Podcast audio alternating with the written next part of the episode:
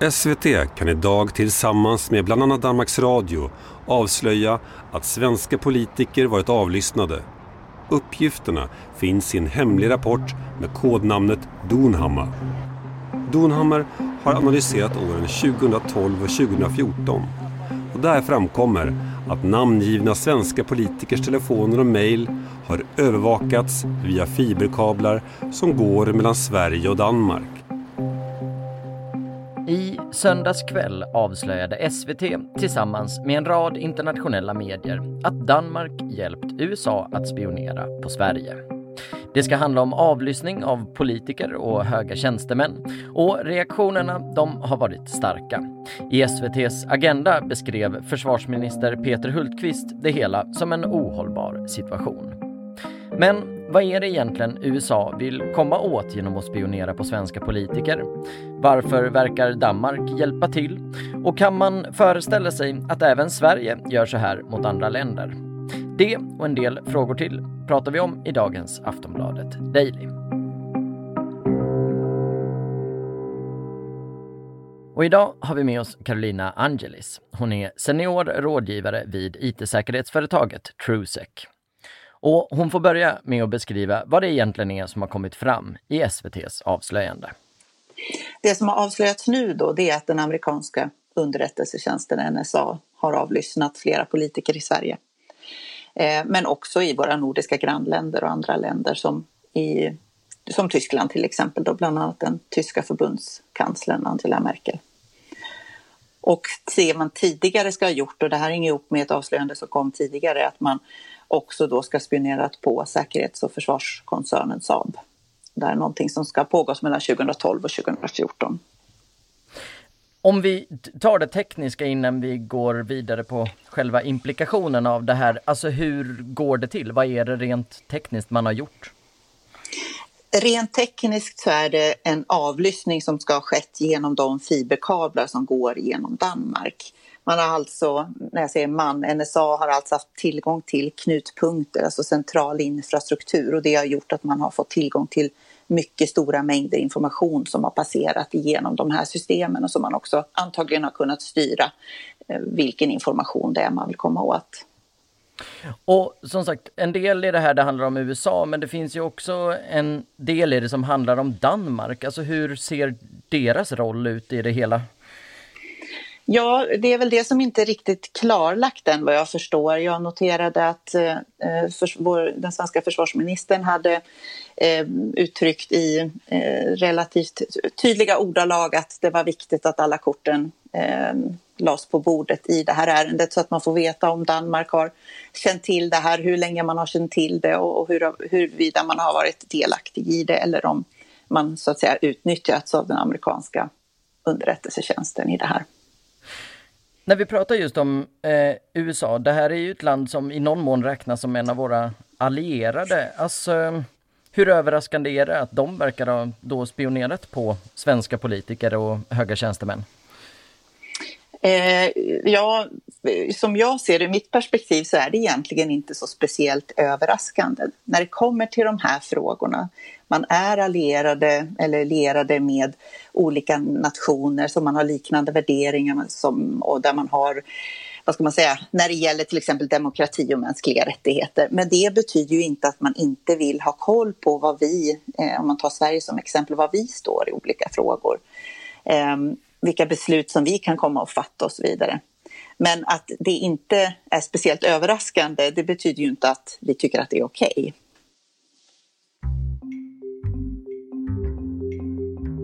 Det är ju långt ifrån första gången som NSA anklagas för att avlyssna politiker och andra högt uppsatta tjänstemän. Tvärtom det här senaste avslöjandet följer en lång rad av liknande avslöjanden. Shame on you, Mr. Earbama, said one paper in a German press expressing shock, surprise and outrage. Germans by and large are grateful to the US for rebuilding and then protecting their country for decades. But that made the news that American allies may have spied on the Chancellor all the more painful. So today, Europe's US spying scandal comes here to Spain with these latest revelations in El Mundo newspaper that around 60 million phone calls in Spain were monitored by the National Security Agency in the course of just one month. Shocking and unacceptable. That's how the French government reacted to revelations by Le Monde newspaper that the US National Security Agency was spying on France. För många av oss var nog NSA en förhållandevis okänd myndighet fram till 2013 när Edward Snowden gjorde sig själv och myndigheten till världskändisar över en natt. Snowden läckte hemligstämplade dokument som visade hur NSA, en myndighet som han själv arbetat på i flera år, ägnade sig åt storskalig övervakning av medborgare världen över. Sedan dess har det följt en stridström av avslöjanden på samma tema. Så eftersom NSA gång på gång blivit avslöjade med den här typen av upplägg, är det egentligen någonting som skiljer sig den här gången? Vi hör Carolina Angelis igen. Det som jag tänker spontant i det här fallet är ju att man i så fall har kunnat utnyttja vad ska man säga, infrastrukturen i Danmark för att eh, spionera på Danmarks grannländer, alltså no de nordiska länderna. Eh, men även då eh, andra länder som Tyskland. Men det kan ju ha varit samma upplägg i det tidigare fallet, det, det kan jag inte uttala mig om. Men om man tittar på det här, eh, om man tar avlyssningen av Angela Merkel till exempel, för det har ju även skett tidigare. Och då, jag vill minnas att hon i någon intervju när det här avslöjades uttryckte sig i termerna på något vis att ja, men, spying among friends, that isn't done.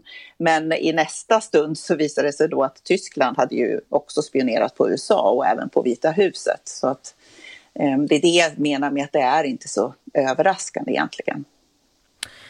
Du har ju varit inne på det lite här under samtalet, men vad är det egentligen för information man vill komma åt och vad ska man använda den till? Om vi pratar i just det här fallet så vet jag ju inte exakt vilka politiker det rör sig om, men om man, man skulle få gissa så handlar det antagligen om eh, säkerhetspolitik, utrikespolitiska beslut, var vi står i olika frågor, sånt som är eh, antagligen viktigt för en, en, nation som USA att ha koll på när det gäller många olika länder. Eh, så det, det, är väl en gissning, men, men annars underrättelseinhämtning och spionage det är liksom en ständigt pågående verksamhet som riktar sig mot väldigt många olika intressen och även då ekonomiska intressen, forskning och utveckling och så vidare. Jag tänker eh, när man eh, läser sådana här historier, de dyker upp lite då och då. Ibland får man känslan av att lite som det du är inne på, att alla vet om att det här pågår och så. Men när det avslöjas så behöver man ändå markera och politiker behöver gå ut och ta avstånd och säga och fördöma det här. Alltså är den här upprördheten verklig med tanke på att det ändå verkar pågå lite hela tiden? Ehm, ja, vissa har ju blivit mer upprörda än andra. Och det, men alltså det förekommer ju avslöjanden hela tiden egentligen från olika nationer. Och vi har ju ett par nationer som är mer aktiva i underrättelseinhämtningen mot Sverige än andra. Så det är klart att det blir kanske en, en större upprördhet när det är då ett, en samarbetspartner, ett, vänligt sinnat land om man säger där vi delar väldigt många eh, olika saker. Men eh, jag vet inte, jag tror inte att upprördheten är spelad. Det jag tror det handlar om det är att trots att vi vet att det här sker så blir vi lika förvånade varje gång som det uppdagas oavsett vilken, vilket land det är som ligger bakom. Och jag tror det har att göra med att vi, vi vet att det sker men vi tror inte att det ska hända just oss. Och då när en politiker inser att oj, det kan ha hänt just mig så blir det en, en väldigt, eh, ett väldigt uppvaknande på något vis. Kan man föreställa sig att vi också gör det här mot andra? Alltså att Sverige som nation eh, gör samma sak? Alla länder har underrättelsetjänster idag. Alla länder bedriver underrättelseinhämtning eller spionage om man nu vill uttrycka sig på det viset. Men vi har lite olika resurser, vi har lite olika metoder, vi har lite olika riktlinjer för vad som är okej okay att göra och inte. Och vad varje enskilt land gör, det kan jag egentligen inte uttala mig om och framför allt inte kring vad Sverige gör och inte gör då jag inte själv eh, arbetar inom underrättelsetjänsten, i alla fall inte längre. Mm. Om man tar det i ett historiskt perspektiv, alltså det här senaste som har kommit fram nu, hur, hur ovanligt är det att länder som vi har så nära relation med ändå spionerar på oss? Det finns nog ingen statistik på det skulle jag säga. Jag, jag, jag, jag tror de här eh, avslöjandena som kommer lite då och nu, de visar på att jo, det sker, vi måste förstå att det gör det. Alla länder är sig själv närmast om man säger. Eh, men jag, men jag tror en viktig sak i det här också, det är att fundera på inte bara det här och allvaret i det, vilket är en sak, utan också ehm, är det en slump när de här sakerna avslöjas? Eller finns det någon annan aktör som tjänar på att det avslöjas att USA, då NSA i det här fallet, har spionerat på eh, så kallade vänner? Ehm, för det är någonting som man, man kanske behöver fundera på också. Alltså hur eh, tolkar du att det här sker just nu? Ja, det är ju en intressant fråga eh, onekligen. För eh, det hela ska ju ha skett mellan 2012 och 2014 och avslöjandet kommer nu. Och tittar man på den nya amerikanska politiken, om man får säga, och Bidens önskan eller vilja att närma sig, öppna upp relationerna, få bättre relationer med Europa till exempel, så kommer det här väldigt lägligt. Att man avslöjar då att NSA har spionerat på till exempel svenska politiker. Och det finns ju aktörer som vi vet är mycket duktiga på att utnyttja sådana här händelser och sprida det här budskapet ytterligare för att skada relationer till exempel mellan USA och Sverige eller Sverige och Danmark eller vilken relation vi pratar om då. Avslutningsvis bara om vi tar lite kring, alltså hur jobbar vi då som land för att skydda oss mot det här? Vi har ju flera myndigheter, underrättelse och säkerhetstjänster som, som arbetar aktivt för att skydda, att hjälpa oss att skydda oss mot det här. Och FRA till exempel som noga följer och ser hur eh, de här dagliga cyberattackerna mot svenska företag, myndigheter, universitet och organisationer. Eh, och sen finns det ju också eh, företag som arbetar med att stötta myndigheter och andra organisationer med att skydda sig mot det här. Men jag tror man kan nog säga att vi gör inte tillräckligt. Vi kan alltid göra mer. Eh, och en sak som är viktig det är den här grundförståelsen för att det här pågår, att vi inte är naiva, att vi inte pratar om vad som helst över en öppen telefonlinje till exempel. Utan att vi ser till att vidta de åtgärder som man kan vidta. Sist här Carolina Angelis, senior rådgivare vid IT-säkerhetsföretaget TrueSec.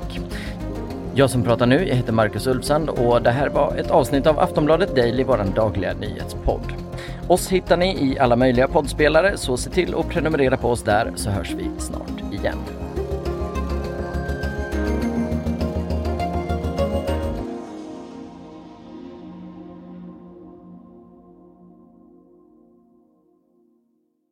Du har lyssnat på en podcast från Aftonbladet.